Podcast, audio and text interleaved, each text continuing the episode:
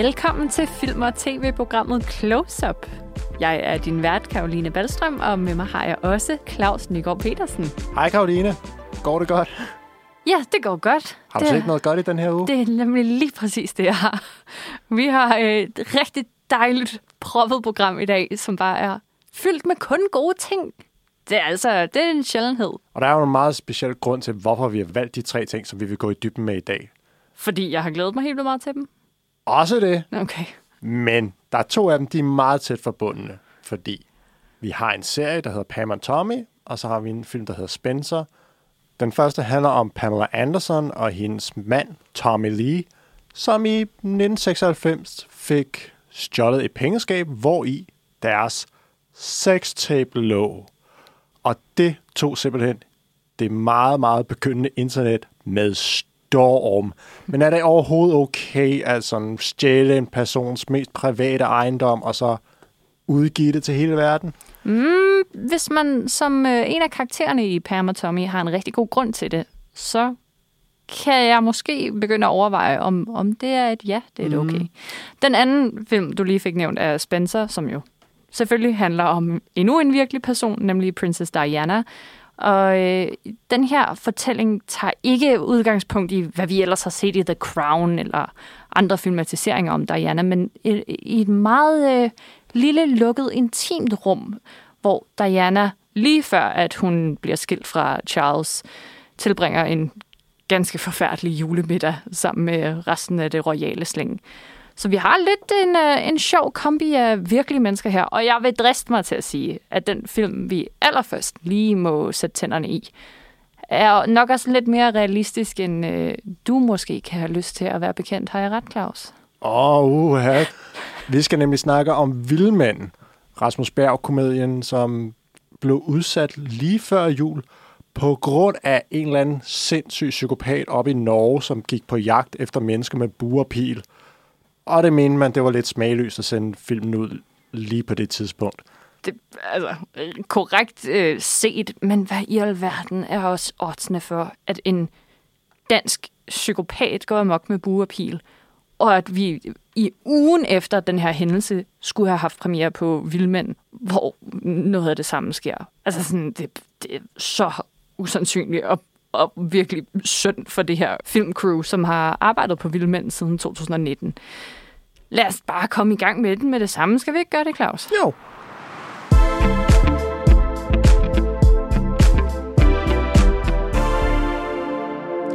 Men for lige at komme i en rigtig stemning, så synes jeg lige, vi skal tage et trailerklip. Det vi hører, det er, hvordan familiefaren Martin, han er knækket fuldstændig mentalt og stukket af til Norge, hvor han møder hashkureren Musa, og de to sammen, de begiver sig på en rejse igennem det ufremkommelige norske landskab.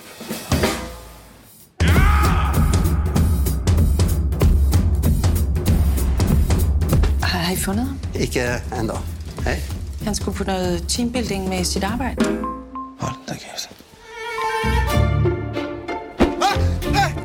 Martin, Musa, er det her din første store vandretur? første vandretur. Har du boet her i lang tid, eller? Jeg har boet her i... Et års tid, eller sådan noget? Nej, jeg har boet her i... I 10 dage. Nå, okay. Ja, i klippet her får vi lige begyndelsen på en måde af Martin, altså Rasmus Bjergs karakters rejse.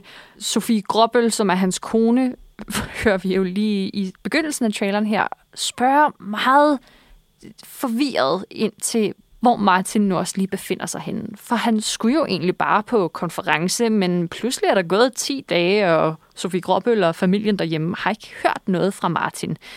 Øh, og det er her, det begynder at gå op for dem, at der må være noget galt. Og samtidig er norsk politi begyndt at eftersøge Martin, for det der med at være vildmand, er han ikke så god til. Og godt nok har han taget buer, og pil og et trankiasæt med og sådan noget, men han kan sgu ikke rigtig ramme noget, og øh, bliver nødt til at, at røve sådan en lokal tankstation for at få noget mad. Og øh, ja, det bliver jo så selvfølgelig meldt til politiet, og så begynder der nærmest sådan lidt et, et Fargo-plot, hvor alting er forbundet og er super kikset og dumt, men alligevel går op i en højere enhed, især centreret omkring det norske meget inkompetente politi. Det er lidt en dansk pangdang til Fargo. Mm. Det, som vi ikke rigtig får indtryk af i traileren eller i din beskrivelse nu, det er, at vi har det her element med nogle danske forbrydere, som smugler hash igennem Norge. Det er der Musa, han kommer ind i billedet, fordi han er den normale hashkurer, men på den her af en eller anden grund særlig mission, så har han to kollegaer med. Nogle lidt dumme svin, som ikke øh, har helt den samme finesse for livet som Musa. Og hvad, af en eller anden grund, så render der åbenbart bare elge rundt på vejene op i Norge, hvilket åbenbart er en rigtig ting. Ej, ja, det gør der. Ja, og man skal i hvert fald ikke bræse ind i en, fordi så, så, så dør man. Eller man bliver i hvert fald rimelig hårdt lemlæstet. Og det er det, der sker for de tre gutter. De smadrer ind i en elg. Musa, han tror, de to andre er døde. Så han tager en kuffert med penge, som de skal bruge til øh, hashhandlen, og går afsted for at prøve at komme til færgen mod Danmark. og det er jo så der, han ramler ind i Rasmus Bjerg. Men hvad han ikke ved, det er, at hans to kollegaer er levende. Og de er fucking pis på Musa, fordi nu er han løbet med pengene, så de er rimelig sikre på, at han har røvrendt dem. Men det har han jo faktisk ingen gang. Musa, spillet af Saki Youssef, er faktisk en rigtig good guy, der rigtig gerne vil tilbage til sin familie i Danmark. Uh, han har en eks, og de har et fælles barn, som han savner enormt meget. Og på den anden side har vi Rasmus Bjergs karakter, som lige er de her 10 år ældre, som modsat er kørt enormt død i sit ægteskab, og han savner ikke engang de to piger, han har derhjemme. Og det spiller meget sjovt sammen, hvordan øh, Musa virkelig sørger over det her familieliv, han har mistet, hvor imens Rasmus Bjerg, altså bogstaveligt talt, pisser på det. Ja, det er en sjov dualitet, hvor du har manden, der har alt, men ikke vil have det, som er repræsenteret ved Martin. Og så har vi Musa, som ikke har alt, men gerne vil have alt. Det er en sjov anskuelse af de måske to mest dominerende former i Danmark. Dem, der har, og dem, der ikke har. Og hvad man vil gøre for at nå det personlige mål, som et eller andet sted er den modsatte ende. Det er meget sjovt, for den her film skulle man måske tro var lavet af en eller anden midaldrende mand, men faktisk er den øh, skrevet og instrueret af Thomas Daneskov, som ikke er meget mere end 32. 32, ja. ja. Og han har selv sagt, at han med Vildmand og sin tidligere spilfilm Eliten ligesom forbereder sig selv på den krise, han ved vil ramme ham som øh, sidstkørnet hvid mand i Danmark. Han har faktisk forberedt sig hele livet på at øh, ende i en slags krise, og i det hele taget det der med at forstå, at vi alle sammen også skal herfra, det er han meget afklaret med. Han har ligesom taget øh, sårene på forskud, især mm. også med Vildmand. Ja, på den måde så minder han mig meget om den amerikanske instruktør Alexander Payne, som har lavet Election, About Smith, The Descendants, hvor han på forskellige måder behandler mænd af forskellige aldre, der på en eller anden måde gennemgår en krise, som skal ændre dem fra et stadie til et andet.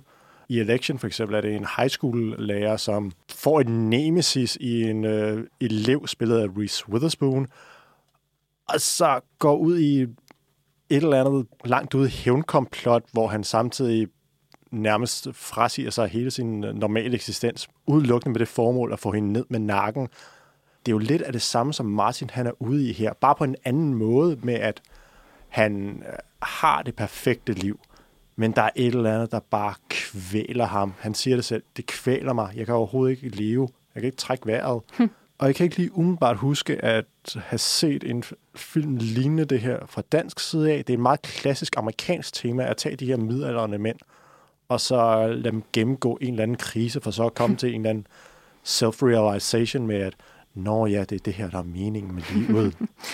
ja, ja, du skal jo ikke kigge meget længere tilbage end Breaking Bad eller sådan noget, for at se Walter White fuldstændig køre sit familieliv i sænk på sådan en her problematik. Det er også der, hvor man tænker, hvad fanden skal jeg bruge at se en øh, fyr halvvejs i sit liv gå i krise og øh, købe sig en bue og flytte ud i skoven, fordi han tror, at han skal tilbage til noget uinstinkt hvad, hvad i alverden skal jeg med det her? Der er det jo så nok heldigt for Vilman, at det er en comedy, og der er nogle geniale komiske øjeblikke, for det løfter helt klart min umiddelbare manglende interesse for det her emne, for hvad fanden skal jeg bruge det til? Men egentlig så handler det jo ikke kun om mænd, selvom det stort set der kun er mænd, der er på den her castingliste. Vi har lige Sofie Gråbøl og to små døtre, der dukker op, og ellers er det stort set kun mænd på skærmen. Det er en pølsefest. Det er det virkelig, og det, det bliver også fremsat så markant, at det er det der mangel på kvinderne. Altså mændene sørger virkelig over deres feminine modpart, som ikke er der. Og der er også lavet nogle sjove valg undervejs, for eksempel i, i et skænderi, som foregår i en bil, hvor kun manden er filmet i løbet af hele den fight, og kvinden bare er sådan en hakkende stemme ude til siden. Og man kan virkelig se på ham, at han, han bliver rigtig ked af det, ham fyren i bilen, over at høre sin kone sige nogle hårde ting på ham.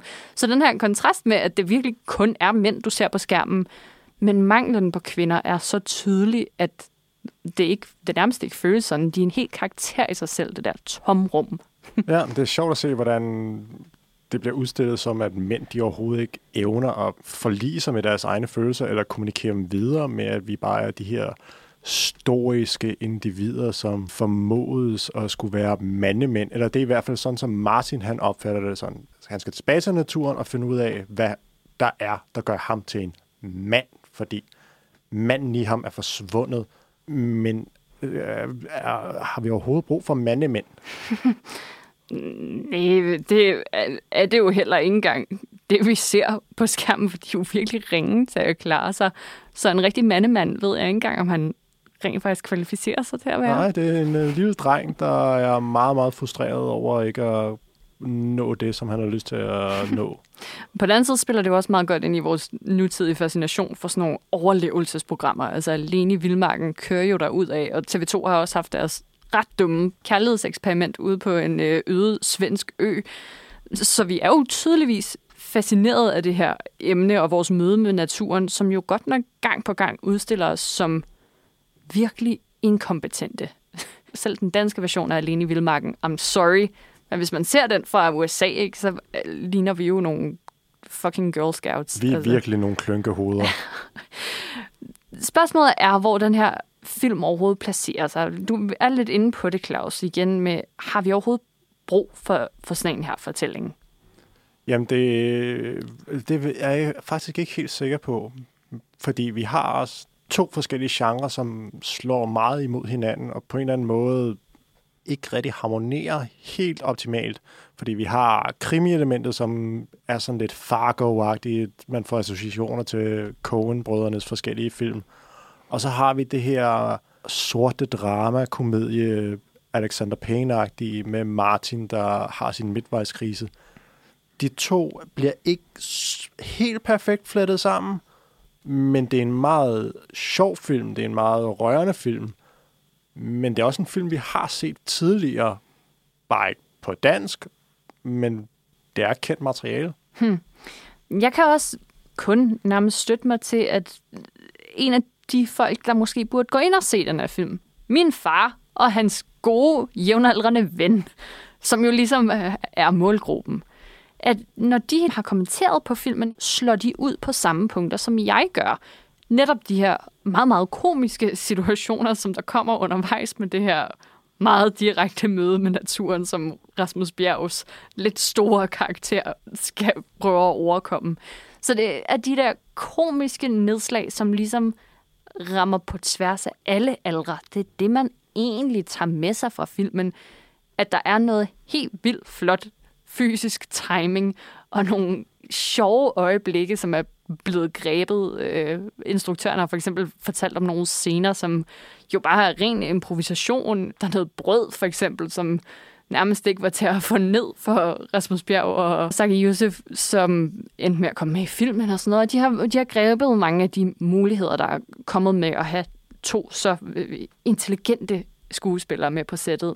Men igen, der, der, der lader bare ikke til at være noget større tema, som virkelig hænger fast.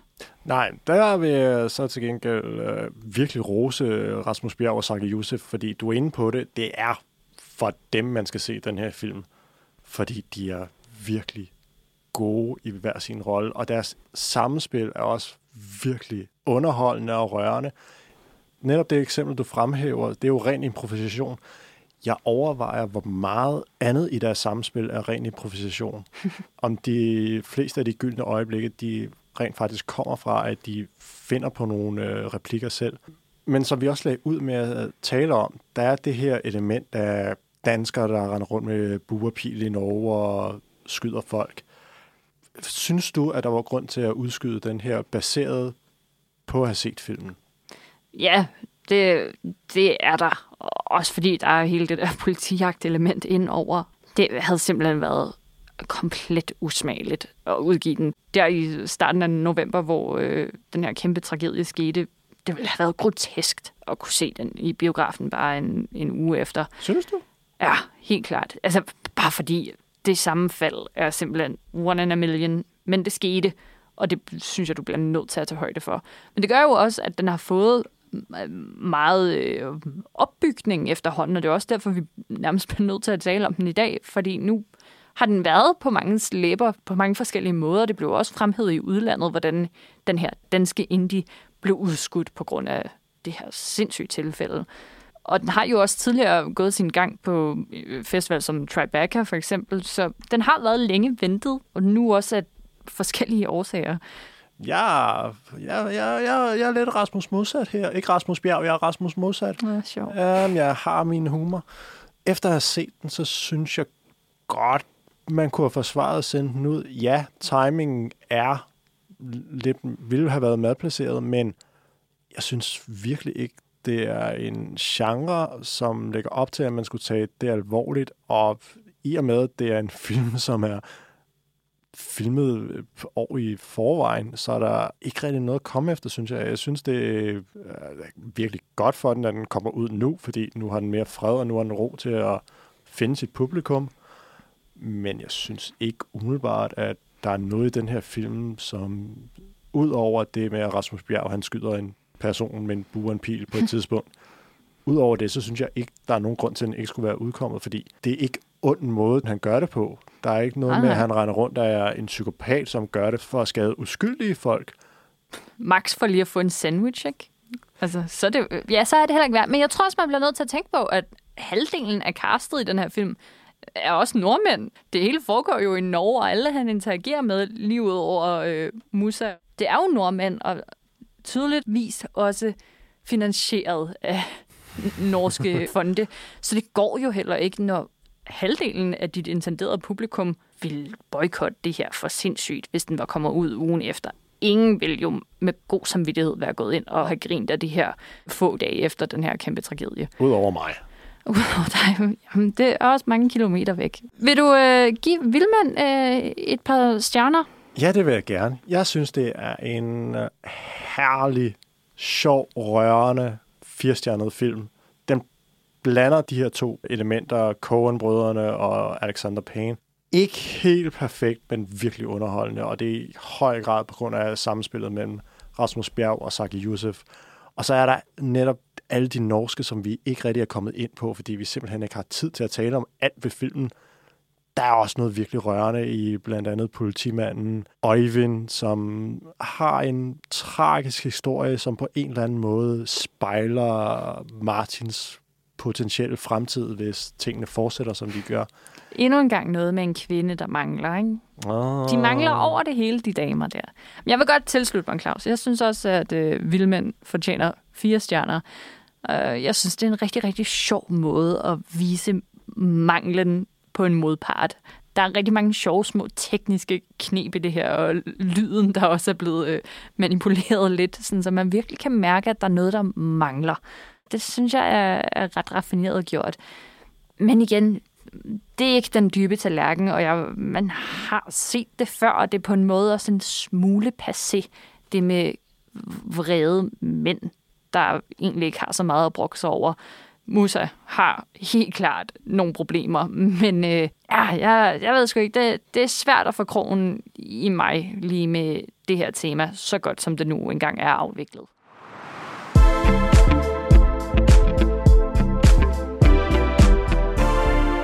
Claus, hvis du skulle spørge mig, hvorfor vi skal til at tale om den næste ting, vi skal snakke om, Mm. øh, så vil jeg nok få et forklaringsproblem, fordi Din mor lytter med. Men øh, fordi det handler om porno, og det synes jeg er spændende. Ja. Ja. Jeg aner ikke, hvad porno er. Nej, selvfølgelig. Vi skal til at tale om Disneys nye tv-serie. hmm, ja. Pam og Tommy, som handler om Pamela Anderson og hendes nu eksmand Tommy Lee. Trommeslager i øh, det tilsyneladende gode 80'er-band Motley Crue. Åh, oh, stop, du kan da godt... Du kan godt lidt lide dem, kan du ikke? Nej.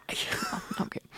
Ærligt talt, jeg var sgu ikke så meget øh, inde i, hvem øh, Tommy Lee var før det her, men det er jeg bestemt blevet klar over nu, efter otte fremragende afsnit i selskab med ham og Pamela Anderson. Hele den her serie er sådan en how it's made tilbageblik på den største sextape-skandale. Samtidig er det også en tv-serie, som behandler, hvordan internettet begynder at få tilløb, og hvordan det egentlig, sjovt nok, nærmest er takket være Pamela Anderson og et sextape, hende og hendes mand lavede, som bestemt aldrig var meningen skulle se dagens lys. Det er simpelthen så interessant at se, hvordan sådan en lille, egentlig ret uskyldig ting, kan få så kæmpe stor indvirke på den verden, vi har i dag, og hele pornoindustrien egentlig. Jeg har glædet mig så sindssygt meget til, at vi kunne tale om den her tv-serie. Jeg synes, vi skal tage et trailerklip med det samme, så vi kan få snakken i gang. For det her, det er bare... Åh, oh, det er et af 2022's highlights. Her er et trailerklip fra Pam og Tommy, som man kan se på Disney+. Plus. Play, play, play.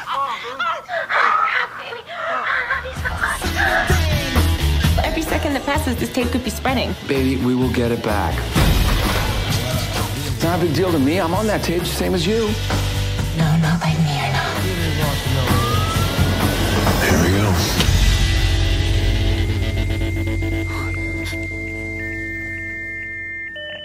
What the hell is this? Ikke ligesom mig, siger Pamela. Nej, fordi der er jo et eller andet sted en dobbeltmoral i, hvordan mænd og kvinder bliver betragtet, især når det gælder sex. Det siger du ikke.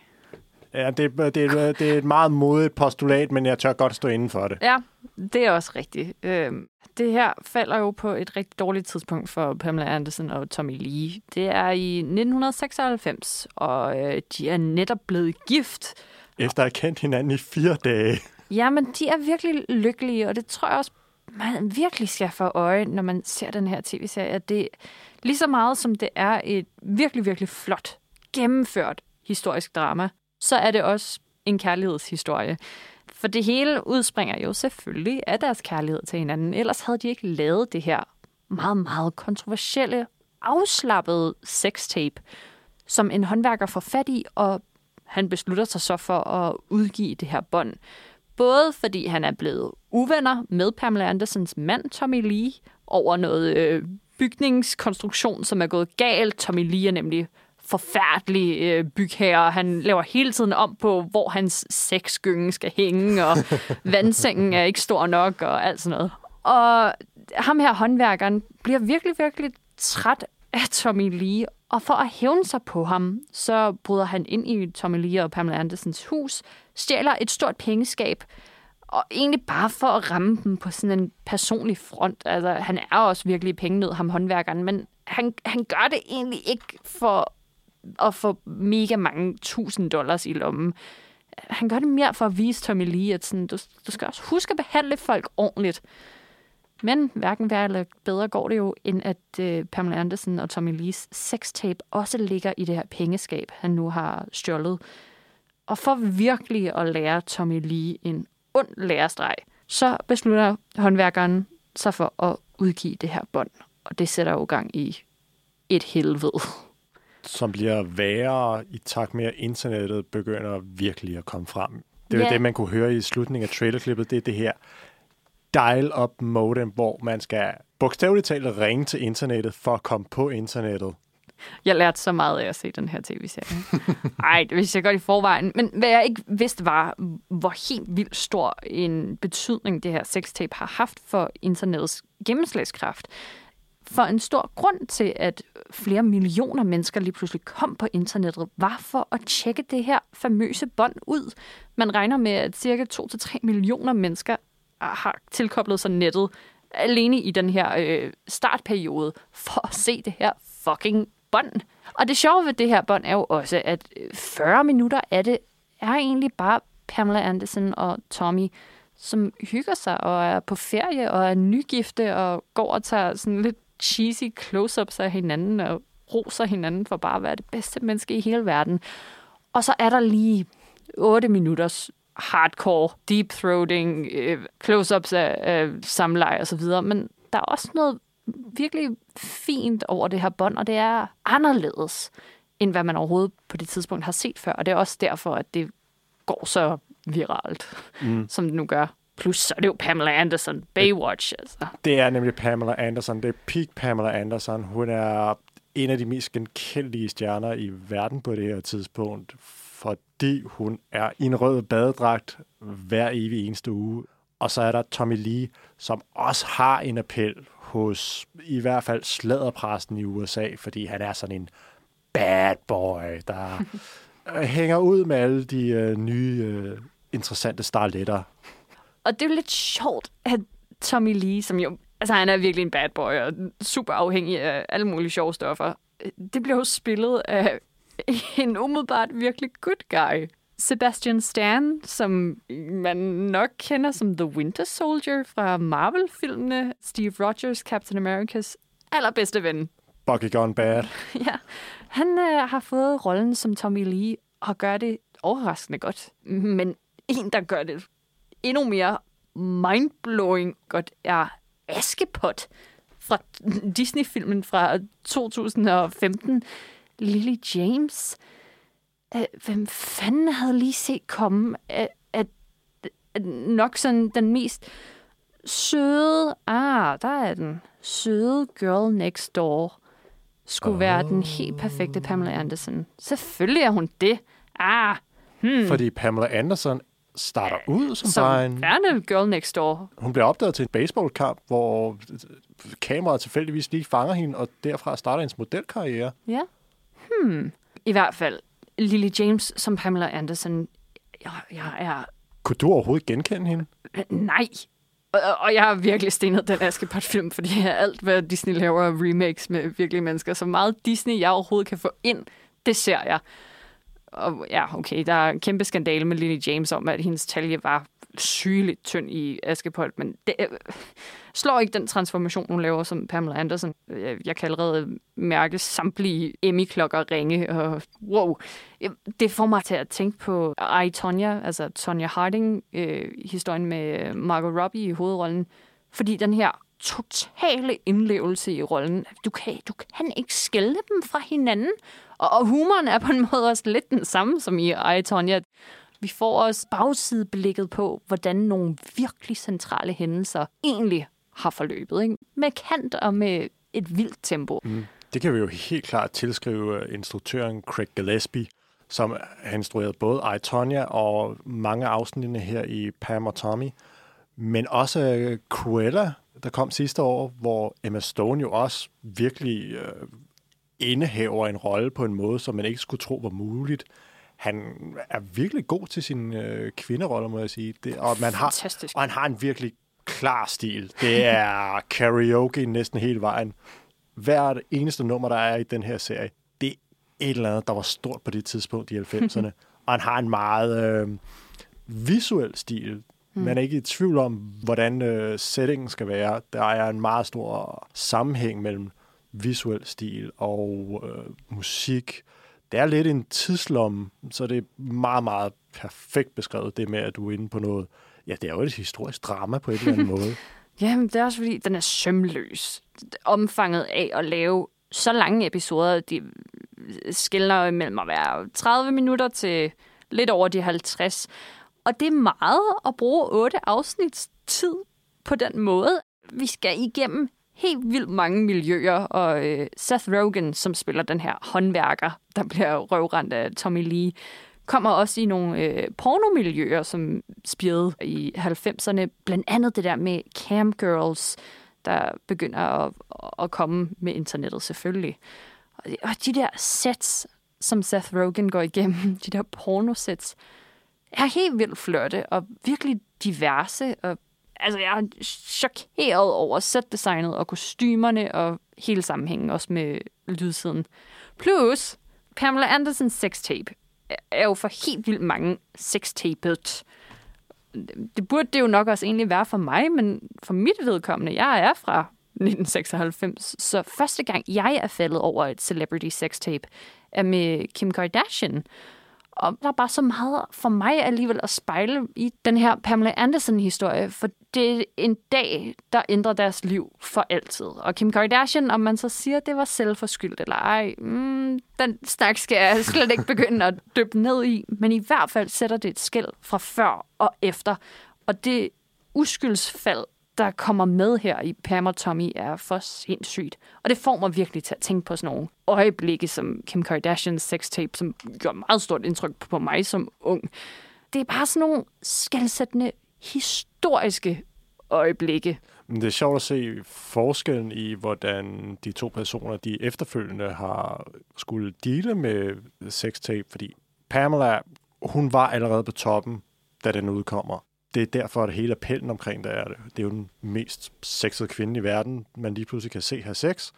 Hvorimod Kim, hun er fuldstændig ukendt på det her tidspunkt. Hun har været med i måske fire afsnit af en Paris Hilton reality-serie, men bliver derefter en mega stjerne, der jo er blevet et kæmpe brand efterfølgende. Mm. Og det pudsigt at se, hvordan samfundet har ændret sig fra at være meget dømmende og nærmest sige, ej, lige så snart du begynder på noget med lidt mere afklædt eller gud forbyde sex, så må du ikke være med i den fine klub. Hvorimod Kim lykkes med at komme ud af det her stigma og lave en mega karriere. Mm. Men det er helt klart, hvis ikke det sextape det var udkommet, så hun havde ikke fået den exposure, som gjorde, at hun kunne bygge et brand. Hm. Det er 10 års forskel. Pamela Andersons sextape tager virkelig fart i 1997, og Kim Kardashians tape kommer ud i 2007. Det er 10 år, og måden de to bliver behandlet er for sindssygt. Men hvor går grænsen for, hvor meget vi kan tillade os at snage i øh, kendte personers sexliv? Altså, vi har jo den her sag, der kører lige i øjeblikket i Danmark med 3F-formanden, der kører dobbeltliv og har kone og to familier ved siden af, eller jeg ved ikke, hvor mange vi er oppe på. Ja, og han har gjort det to gange. ja. Der er ikke et sexbånd, men det er jo sexsladder. Mm-hmm. Er det noget, som vi overhovedet skal interessere os for? ja, vi har jo i hvert fald ikke rykket os siden 1996 på den front, så, for det er jo alles business, hvad man lever i soveværelset. Det kommer det til at blive ved med at være. Og at en topleder på det plan, som Per Christensen, altså ham med alle skandalerne der, hvis, hvis han kan ryge på den, ikke? intet er helt længere. Men lad mig spørge dig sådan her ville det også have været en skandale for 10 år siden for Per Christensen, fordi hmm. vi er jo helt klart i en uh, MeToo-alder, hvor shit mand, hvis du laver noget seksuelt, der er på grænsen til at være forkert, og du er mand, så er du død. det er jo også mere den position, han er i, og det kan man jo på en måde også sige med Pamela Anderson, at godt nok så var hun jo forholdsvis stueren, ikke? Fordi hun havde jo trods alt stadig tøj på på Baywatch. Og det var ikke noget, hvor du sådan skændede dine børn for at komme til at kigge dig over skulderen, hvis du selv sad og så det. Men havde været et playboy øh, på den... Ja, ja, men sådan, hun, hun var ikke gået hele vejen. Og det er det der skæld med, at der, der er en grænse, og det er næsten heller ikke til at vide, hvor den går, før når du har overskrevet den. Men når du har det, så er der ikke nogen vej tilbage. Og det er også det samme for Per Christensen. Der er helt klart skæld på, hvor langt noget er okay, og så snart vi alle sammen med vores åbenbart fælles bevidsthed beslutter, at nu har man overtrådt en etisk grænse, vi alle sammen kan blive enige om, så bliver man lige godt også stemplet.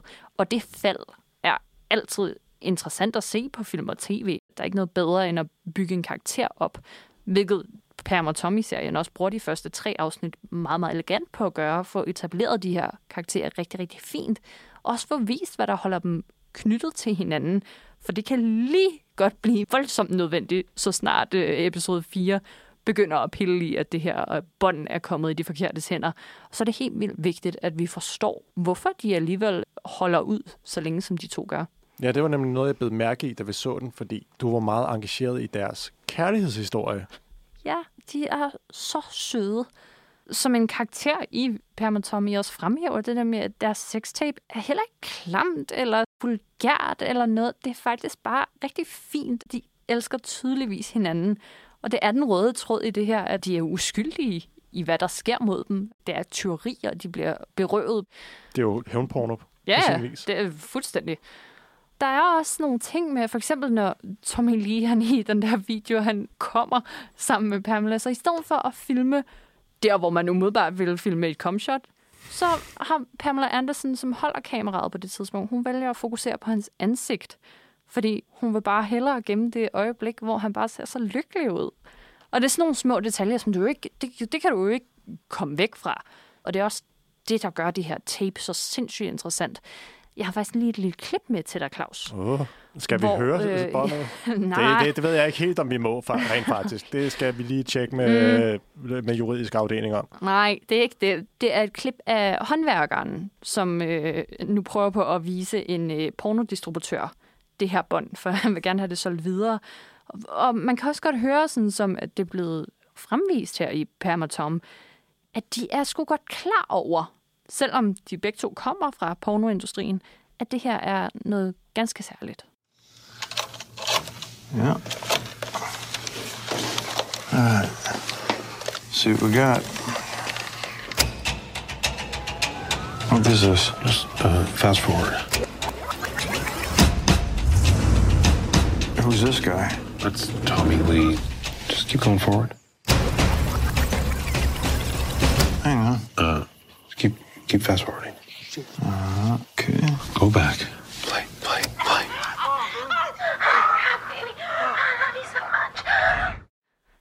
Ja, der skal spoles meget for at komme frem til det, der rent faktisk er sex, og ikke uh, Pam og Tommy, der siger I love you hele tiden til hinanden, eller Ja. Tommy Lee, der øh, dytter på bådens øh, indbyggede horn med sin penis. En meget, meget sjov detalje. Pam og Tommy-serien er også noget, der får en til at kigge rigtig meget indad, ikke? For, okay, jeg har faktisk ikke øh, set Pam og Tommys sextape, men jeg har set Kim Kardashians. Har du set Pam og Tommys sextape? Øh, ja, Nå, fanget, Claus. der var jeg lige uh, lidt uh, brødbetynget og lidt sådan, fuck min mor hører også det her program, men uh, ja, jeg uh, er ved, hvad vi snakker om. Men udover vores mødre, ikke, så er der også en anden grund til, at det, altså sådan, man, man får... Det er jo dårligt over sig selv, og det er jo ret interessant, at noget, man i forvejen godt ved er forkert, det bliver virkelig sat på spidsen her. Ja, det er også smukt, hvorledes øh, serien også øh, prøver at arbejde med den ting, fordi Rand, øh, Seth Rogans karakter, han bør jo have dårlig samvittighed over det her. Der er mange omkring ham, der fortæller, du burde virkelig ikke have gjort det her, det er ikke godt. Men hans argument er hele tiden, Tommy Lee screwed me over. He owes me money. I'm gonna get back at him. Karma. Men hvor langt kan man tillade sig at gå for at get even med nogen, som har krydset ens vej på den forkerte måde? Og hvor langt kan man tillade sig at scrolle igennem Pornhub for at finde et eller andet, man gerne vil se, selv hvis det går ud over nogle virkelige mennesker? Mm. Jeg har i hvert fald lyst til at lave om på nogle ting derhjemme, tror jeg. Slet din search history og start forfra. Start forfra. Mm.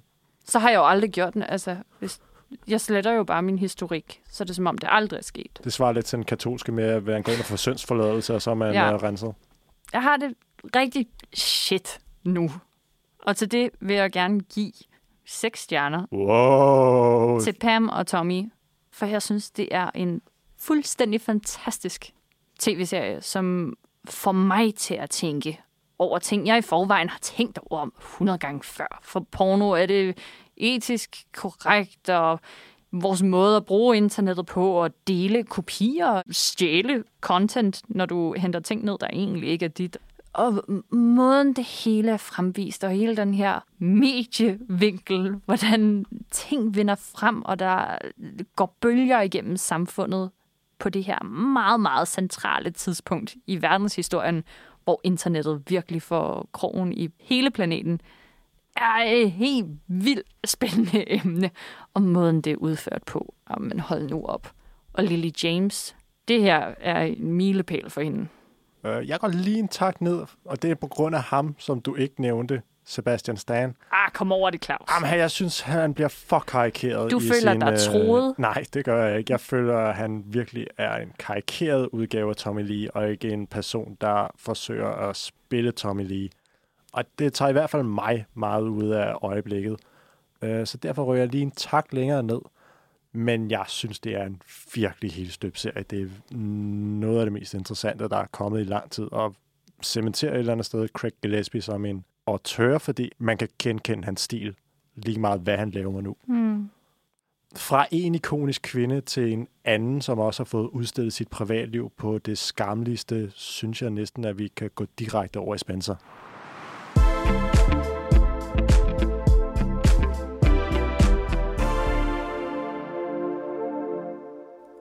Nu skal vi til en julefilm. Men en lidt anderledes julefilm.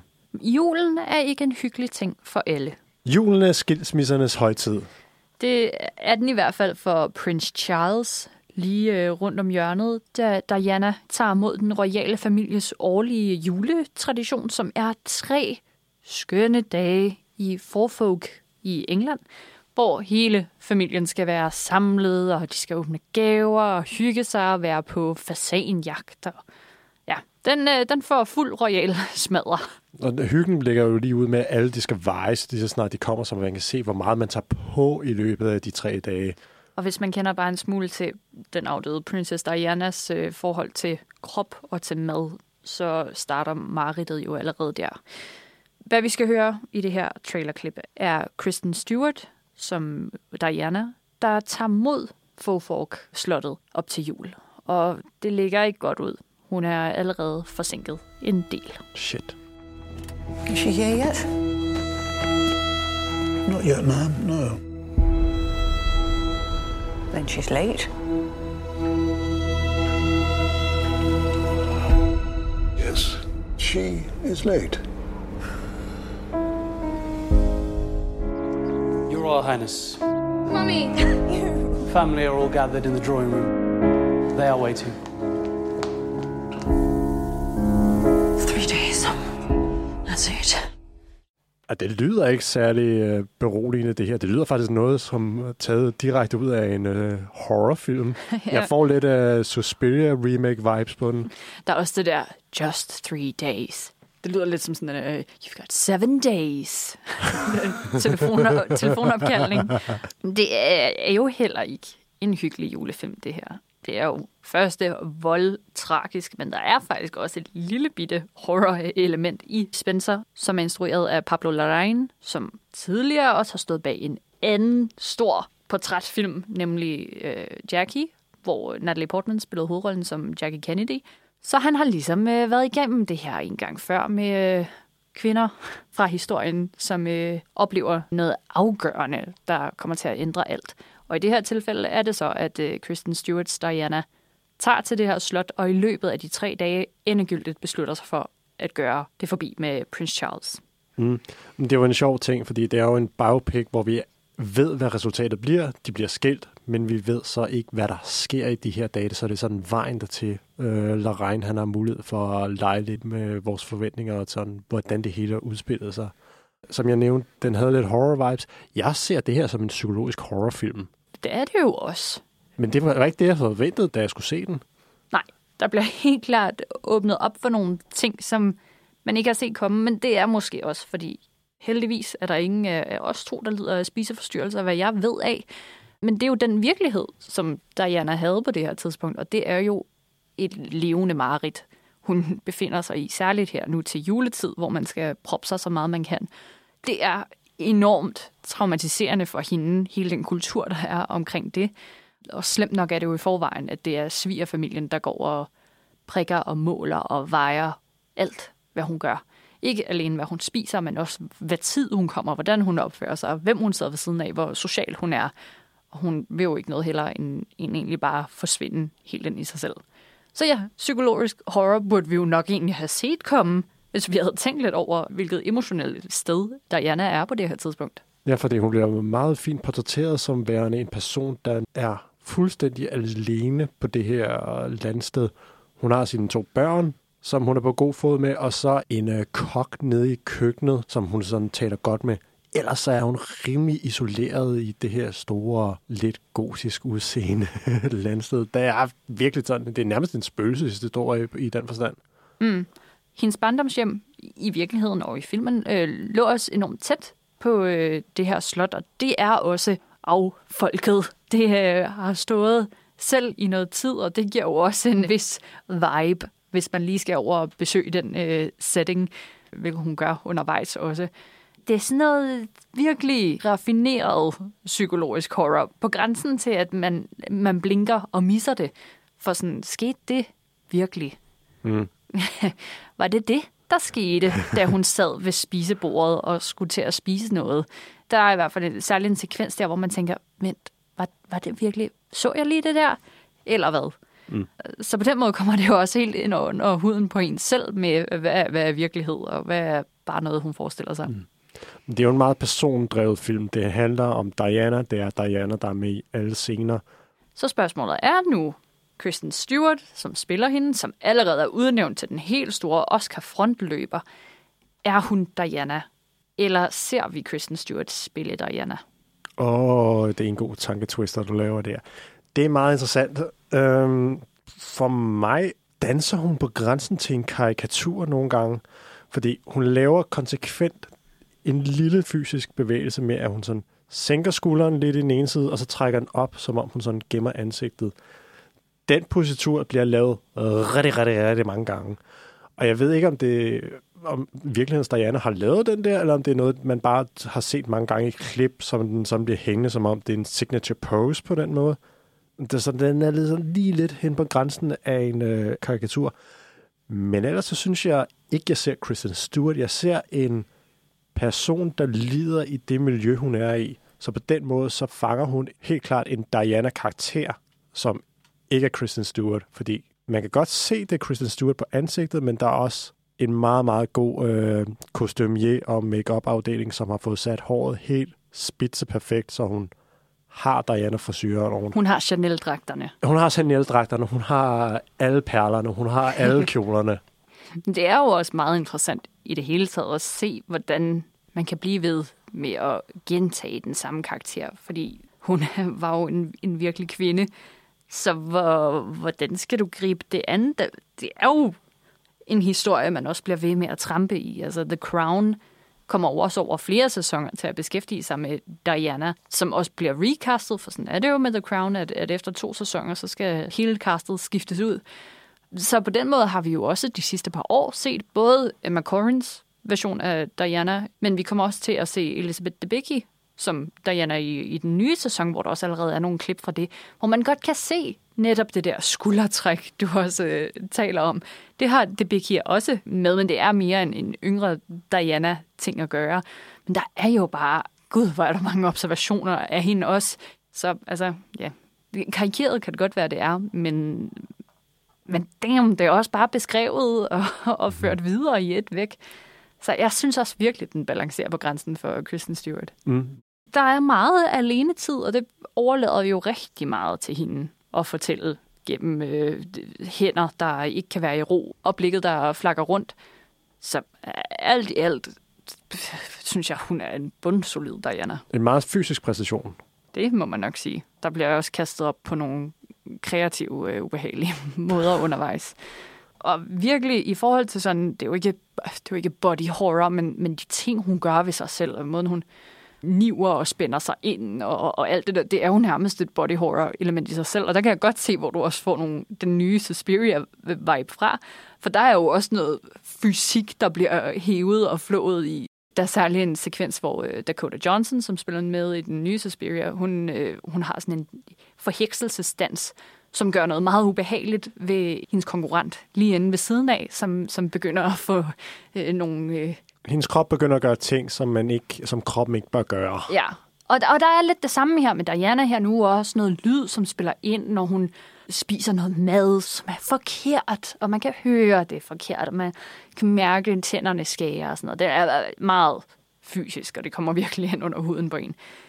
Sindssygt atmosfærisk film. Ja, og så alligevel, ikke? Hvad er der et lille alligevel på? Jeg ved bare ikke, hvor godt jeg kunne lide den. Nej, det er det, der er problemet. Nå, du har det også sådan. Ja, men det, Nå, okay, fint. Og jeg troede, jeg skulle sidde og udskammes nu. Nej, nej, nej, nej det, det, det kan jeg desværre ikke, fordi vi var begge to meget sådan spændte på den her. Det er sådan den store film. Det er Kristen Stewart i sin livs rolle. Det er, man har hørt, den skulle være kæmpe god fra Venedig, og så ser vi den. Vi sidder i biografsalen, og den er færdig, så er vi sådan, hmm. det er jo ikke en dårlig film. Nej. Men det er bare ikke en fantastisk film. Og man har ærligt talt glemt den lidt igen, ikke? Vi så den på en filmfestival i, i Belgien i efteråret, og det er efterhånden lang tid siden nu, ikke? Og jeg kan ikke rigtig føle den længere. Jeg kan huske, at vi snakkede om, hvordan den gjorde det i forhold til The Crown, fordi vi, jeg tror, vi begge to havde en forventning om, at vi skulle se noget mere dramatisk. Øh, men den måde, den så har ligget hos os begge to, det er, at vi sådan ser den mere som noget psykologisk horror. Og selv der, så synes jeg måske, den mangler lidt. Jeg ved ikke, om det er interaktion med de andre karakterer. Der, der er helt klart en pointe med, at hun skal vises, som om hun er så isoleret, som hun er. Men det er også bare lang tid at kun være i et hoved på. Mm. Men den er også funky, fordi hvis den virkelig skulle bad, ikke, og den skulle gøre noget helt nyt, så skulle vi have skruet op for de overnaturlige sekvenser. Men kan du tillade dig det, når det er en virkelig person, begynder du så at fortolke for meget? Men der kan vi jo igen se The Crown, som jo bredt set bliver anerkendt ret meget for, at sådan, den er alligevel rimelig spot on, og sådan, der er jo en helvedes masse fortolkning der, men det bliver skjult bedre, fordi det er sat så realistisk alt sammen. Så Spencer er jo lige så realistisk, som The Crown er. Der er opfundet lige meget. Men du tager Spencer på en anden måde, fordi det bare er så øh, udpenslet, at det er overnaturlige elementer, hvor The Crown jo bare er decideret løgn. God løgn. Men så på den måde kan jeg godt forstå, at man også bliver nødt til at holde igen, fordi hun er en virkelig karakter, og der er så utrolig mange, der har et forhold til hende. Men hvor ville det dog være fedt at give den fuld smadre, så vi virkelig også forstår, fordi det er jo en måde at komme ind i hendes forfærdelige tilstand. De her meget ekstreme, meget uhyggelige øjeblikke. Det er jo en måde at fornemme hendes sygdom og, og det forfærdelige miljø, som hun er havnet i. Så hvis den nu lige havde fået 30 procent mere, ikke, så havde jeg virkelig fattet det. Ja. Og det var blevet med mig. Hvor lander du så på den? Det er jo jul, ikke? Fire stjerner til Spencer. Og jamen, jeg er også en øh, fire stjerner. Det er ikke en julegave. Jeg synes, det reelt er en firestjernet film, hvor skuespillet hos Stewart, det jeg tror, det ligger bedre hos mig, og filmen som sådan ligger også bedre hos mig nu, hvor jeg forstår, at jeg skal tænke på den som en psykologisk horrorfilm. I hvert fald i min optik, fordi så er det, den bliver en film med merit, og ikke bare en stiløvelse på, hvordan man kan fuck lidt med en øh, biopic på en semi-interessant måde.